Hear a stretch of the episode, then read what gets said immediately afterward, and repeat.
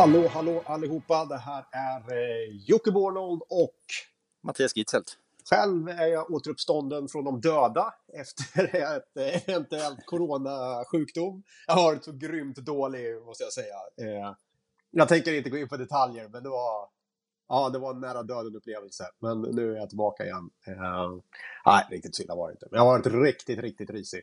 Eh, men det gick över nästan lika snabbt som det kom. Hur är det med dig, Mattias? Det var bra. Nere i Tyskland för tillfället faktiskt, men på väg tillbaka. Mm. Så att, Ja. här är det 30 grader. Eh, lite skönare. Perfekt ju. Men här måste man också. Ja, man måste ju. Absolut. Du, eh, vi hoppar rakt in i veckoanalysen. Vad tycker du? Ja, tycker jag. Vi kör igång. Prata lite megacaps. Ja, för vi ställer ju en fråga idag. Är amerikanska megacap-bolagens glansdagar förbi? Eh, Med tanke på för, vad som hände förra veckan. För då, då, då var det lite kälkbacke ner ett tag.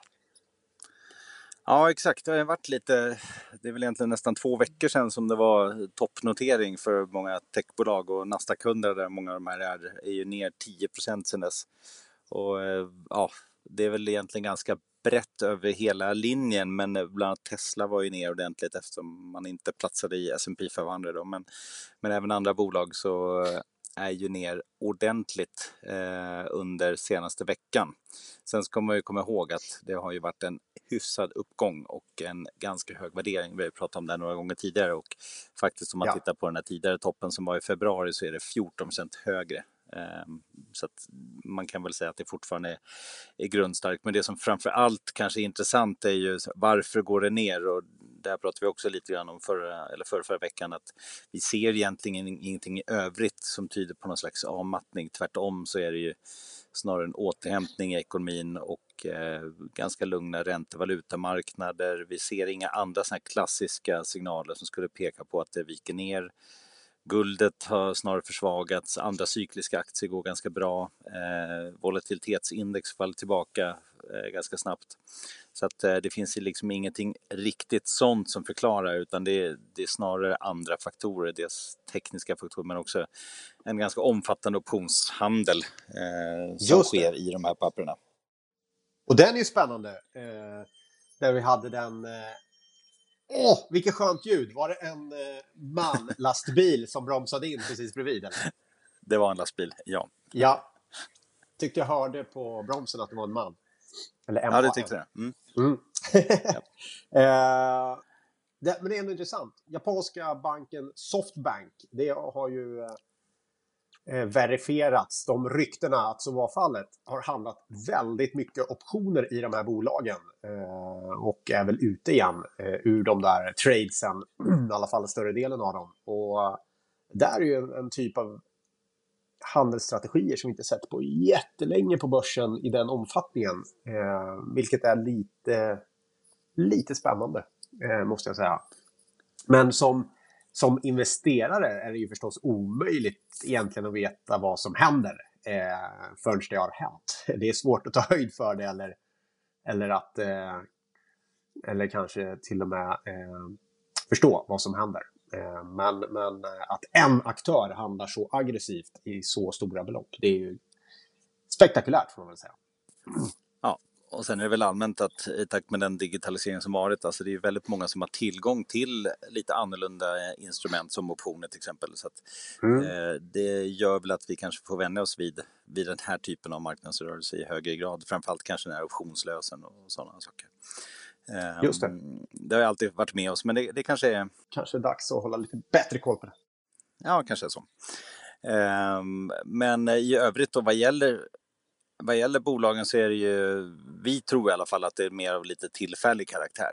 eh, Att den här nedgången, utan vi, vi tycker ändå att det här är ganska stabila bolag som gör bra vinster. Det är inte alls som vi, ja, vi hade kring millennieskiftet, utan eh, vi, vi tror nog att tillväxtpotentialen är kvar och eh, lönsamhetsförbättringar kan fortsatt ske. Sen inser vi också att förväntningarna är ganska höga naturligtvis, men, men vi ser det mest som en, en vanlig rekyl.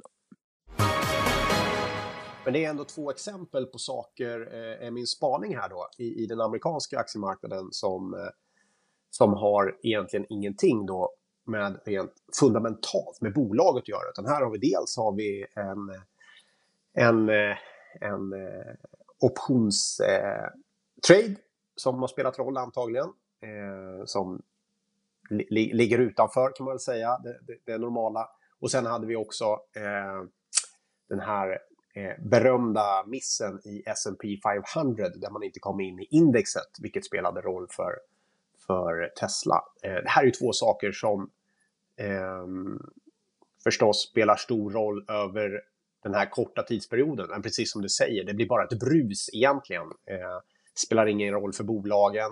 Eh, och någonstans kommer det där rätta till sig på tidens gång. Men, men det skapar väldigt mycket turbulens när de där infaller och det, det är ganska intressant. Känns som att det blir lite mer av den typen av eh, stök i marknaden faktiskt eh, sista åren tycker jag. Eh, och det lär väl bli mer av det, tror jag också. Faktiskt. Håller med. Så är det. Sen, sen i övrigt så hade vi väl ehm, två saker till under föregående vecka. Dels eh, vaccinnyheter som ju alltid är i fokus hos marknadsaktörer. Eh, och att Astra då pausade sin vaccinstudie då efter att en person utvecklat en oförklarad sjukdom. Det var inte du va? Nej, eh. ja det skulle kunna varit det. eh, nej men i alla fall, men sen återupptog de faktiskt studien och då, ja, så ser i alla fall börserna ut att inleda veckan lite bättre. Men men eh, i övrigt så var det ju faktiskt också oljeprisfall och det såg inte jag någon direkt nyhet. Jag vet inte om du gjorde det?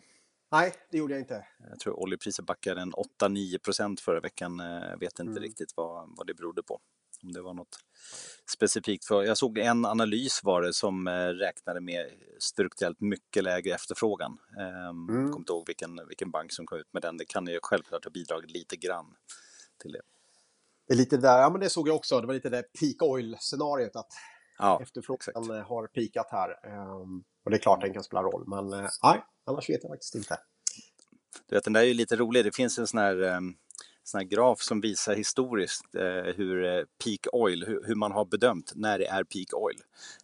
Och då ser man liksom i vilket årtal man bedömde när peak oil ska ske. För det har ju alltid varit en liksom, eh, fundering när, när det väl gör det. Jag kommer, kommer ihåg i grafen så var det så 1892 så trodde man att peak oil var 1896. Ja. Sen har man liksom flyttat fram positionen kan man säga. Ja, så att, eh, ja. Eh, helt klart. Det, det där är lite roligt faktiskt. För varje gång någon har gått ut och kraftfullt sagt det så har det nästan alltid året efter kommit en jättenytt eh, oljefält. Eller... Ja, det är lite fascinerande. Men nu pratar man ju peak oil efterfrågesidan istället för tillgångssidan. Ja, eh, exakt. Ja. Och den, eh, den känns mer eh, förutsägbar faktiskt. Får man väl säga. Mm. Du, eh, någonting annat som kom då? Makrostatistik som var värt att kika på. Det var lite... Ja, svensk industriorderingång hade vi. Eh, växte 5,5 procent jämfört med juni i juli. Eh, och Eh, som ligger bakom det. Eh, och det är väl ändå ja, lite lägre än månaden innan men ändå en, en, ganska god utveckling. Sen så kom det inflationsstatistik både i Sverige och USA och i Sverige så brukar man ju titta på KFI, KPIF då, justera för ränt, fasta räntekostnader. Steg till 0,7 från 0,6 procent i juli och med stabila då inflationsförväntningar. Och eh, tittar vi i USA så Eh, hade vi en kärninflation på 1,7 procent år över år eh, jämfört med 1,6 i juli. Så det, man kan väl säga lite högre siffror än vad vi sett tidigare. Det som ju har framförallt stuckit ut senaste tiden är ju den europeiska inflationen där ju då det var ja, eh, negativ nivå i senaste mätningen. Så att, eh, det är väl den man får eh, må kika på. Men tittar man på ECB så, som kom med möte förra veckan så lämnade med styrförändrad oförändrade och gav ingen nytt besked om några stödköp egentligen. Så att, ehm, eh, e, ja, de, de eh, uttryckte väl inte direkt någon oro för, för inflationen. Eh, sen hade de ekonomiska prognoser lite mer positiva då än vad man hade under junimötet. Så det är väl eh, det. Är väl det. Euron steg lite grann igen och det är väl det som framför allt också har eh, pressat eh, inflationen under senare tid, allt starkare euron. Så får vi se vad det leder till framöver. Mm. Yes. Um fokus den här veckan vi spelar in det här måndag, måndag eftermiddag och då när ni lyssnar på det här då har Hennes och Mauritz redan kommit med sin, med sin försäljningsprognos, eller försäljningsprognos är det inte, utan det är försäljning, försäljningsresultat. Eh, så det, det får ni leta på webben. Eh, spännande är det dock. Eh, men det kommer lite andra grejer förstås. Eh, ja, finansiella marknader, ja där är det ju fortsatt fokus på uh, vaccin. Man märker det med det du nämnde med AstraZeneca som fick pausa. Det blev direkt eh, väldigt mycket bass kring det, trots att det kom igång igen ganska snabbt. deras program Eh, och det är väl inte så konstigt. Först ut med vaccin är en eh, sannolik eh, vinnare förstås. Så måste man väl se det. Ja. Eller fortsätta att, att vara fokus på det. Ja, exakt. Och sen så får vi lite makrostatistik då. Vi har bland annat global industriproduktionsdata. Eh, förväntas ju återhämtas lite grann. Eh, men det är självklart fortsatt långa ledtider, så lite, lite trögrörlig statistik där kan man säga. Sen kommer det detaljhandelsstatistik från USA och den har ju faktiskt varit varit ganska bra. Det pratade vi om här för någon, någon vecka sedan. Däremot den här gången så väntas det något svagare siffror än föregående månad och eh, kan naturligtvis ha att göra med det vi pratade om, det lite svagare konsumentförtroendet, men också att vi saknar besked om, om framtida stimulanser från Vita huset. Då. Så eh, det tillsammans med Feds räntebesked och de prognoser som kommer, det blir väl huvuddata eh, den här veckan. Eh, och Fed har ju, som vi pratade om tidigare, kommit med det här nya genomsnittliga inflationsmålet. Så det lär vi, lär vi höra mer om, men inga stora förändringar förutom att man då förändrar prognoserna, inga, inga ränteförändringar som väntas i mötet den här veckan. Inget, det ligger förstås inte i någon riksbanks intresse här och nu att skapa någon turbulens när den inte finns eh, heller. Det kan man väl konstatera på ECBs eh, tal. Man ville läsa det också, att eh, väck inte den björn som sover, känns det lite grann som. Just nu är det ju hyfsat stabilt på marknaderna och då, då, då, vill man nog inte förstöra det heller. Så att eh, vi ska nog inte förvänta oss några stora grejer där, eh, förstås. Eh, kollar man börs och bolagshändelser, ja, då hade vi ju H&M då. Det, det har redan kommit när ni lyssnar på det här. Eh, Sen kommer det komma in lite utdelning faktiskt eh, här och var. Eh, Holmen, Axfood, eh, bland annat Castellum eh, och så vidare. Så att eh, ja, vi går in i en liten utdelningsperiod här nu faktiskt. Eh, så det mm. kan man ju hålla lite koll på. Eh, men annars är det fortsatt ganska lugnt skulle jag vilja säga. Men jag har en spaning till. Jag har en grej som är, är lite kul. Eller den är inte ja. så kul. Den är egentligen ganska märklig. Har du hört om det bolaget som heter jag kan inte uttala det ens, men Saniona, Saniona kanske? Nej, det kanske inte har. Eh, nej. Nej, jag tror nej, det är ett väldigt litet bolag, så det är inte så konstigt. Eh, men det som är intressant med dem är att eh, AP-fonderna, bland annat andra AP-fonden, gick in och eh, det här är någonting som blivit allt mer populärt. Det är att man gör riktade nyemissioner till någon som man vill få in som ägare och då gör man det ofta rabatterad kurs. Och det är trevligt för den som får komma in på de eh, premisserna förstås. Och det fick bland annat AP, andra AP-fonden göra. Eh, och eh, efter det så steg aktiekursen kraftigt. Och eh, nu visar det sig att eh, efter bara en kort tid efter det här så har eh, eh kursen vänt och den har pressats ner igen. Och mycket talar för att det är just andra AP-fonden eh, som har pressat ner aktiekursen. För de, de har gjort av med två tredjedelar av innehavet. Så tanken var ju att de skulle vara en långsiktig ägare och, och skapa lite eh, cred i bolaget. Men eh, de är i princip ute igen eh, och gjort en bra peng på det här. De har flippat de här aktierna. och det, det kan man ju undra, hur är det möjligt eh, faktiskt? Och då, och då, då vill jag bara tycka att sånt här tycker jag är kul då. Eh, för Andra AP-fonden har ju förstås svarat till Dagens Industri och då säger man att, eh, att vi behövde göra en omviktning för att den svenska portföljen blev så stor. Och sånt kan ju hända eh, förstås. Eh, men då räknade jag lite på det där. Och eh, AP-fonden har i svenska bolag cirka 35-40 miljarder investerade.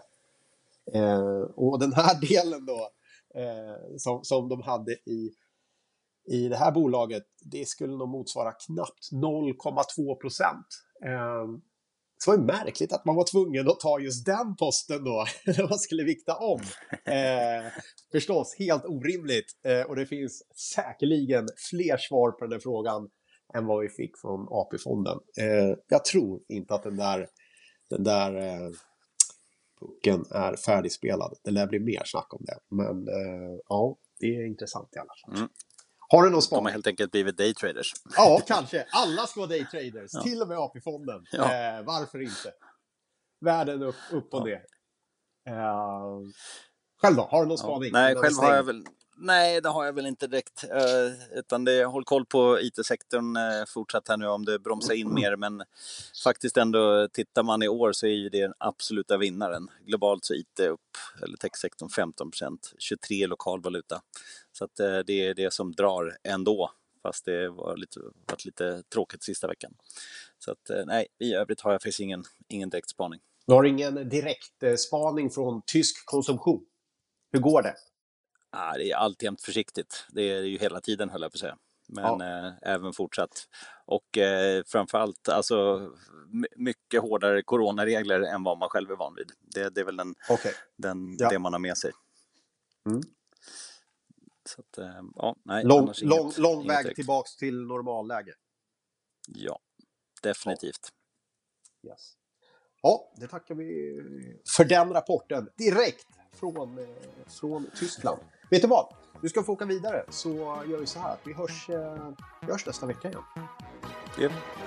Ha det gott allihopa. Ciao, ciao. Så var ni era kära mödrar och var ni era fäder med. Därför partypatrullen och kräver det. Och vågar inte stå där stilla med benet på väggen, stå där och chilla. Då kommer discosnuten bötfälla dig, då får du pisk på truten. Olagligt att inte dansa, asexuell, straight eller transa. Och vi ska upp bland molnen, varannan dag nasse och skål sen. Vi ska twista till svetten, lackar till polisen, juristen och rätten backar. Skiter i tiden och vad klockan slår när vi revar hela dygnet så långt vi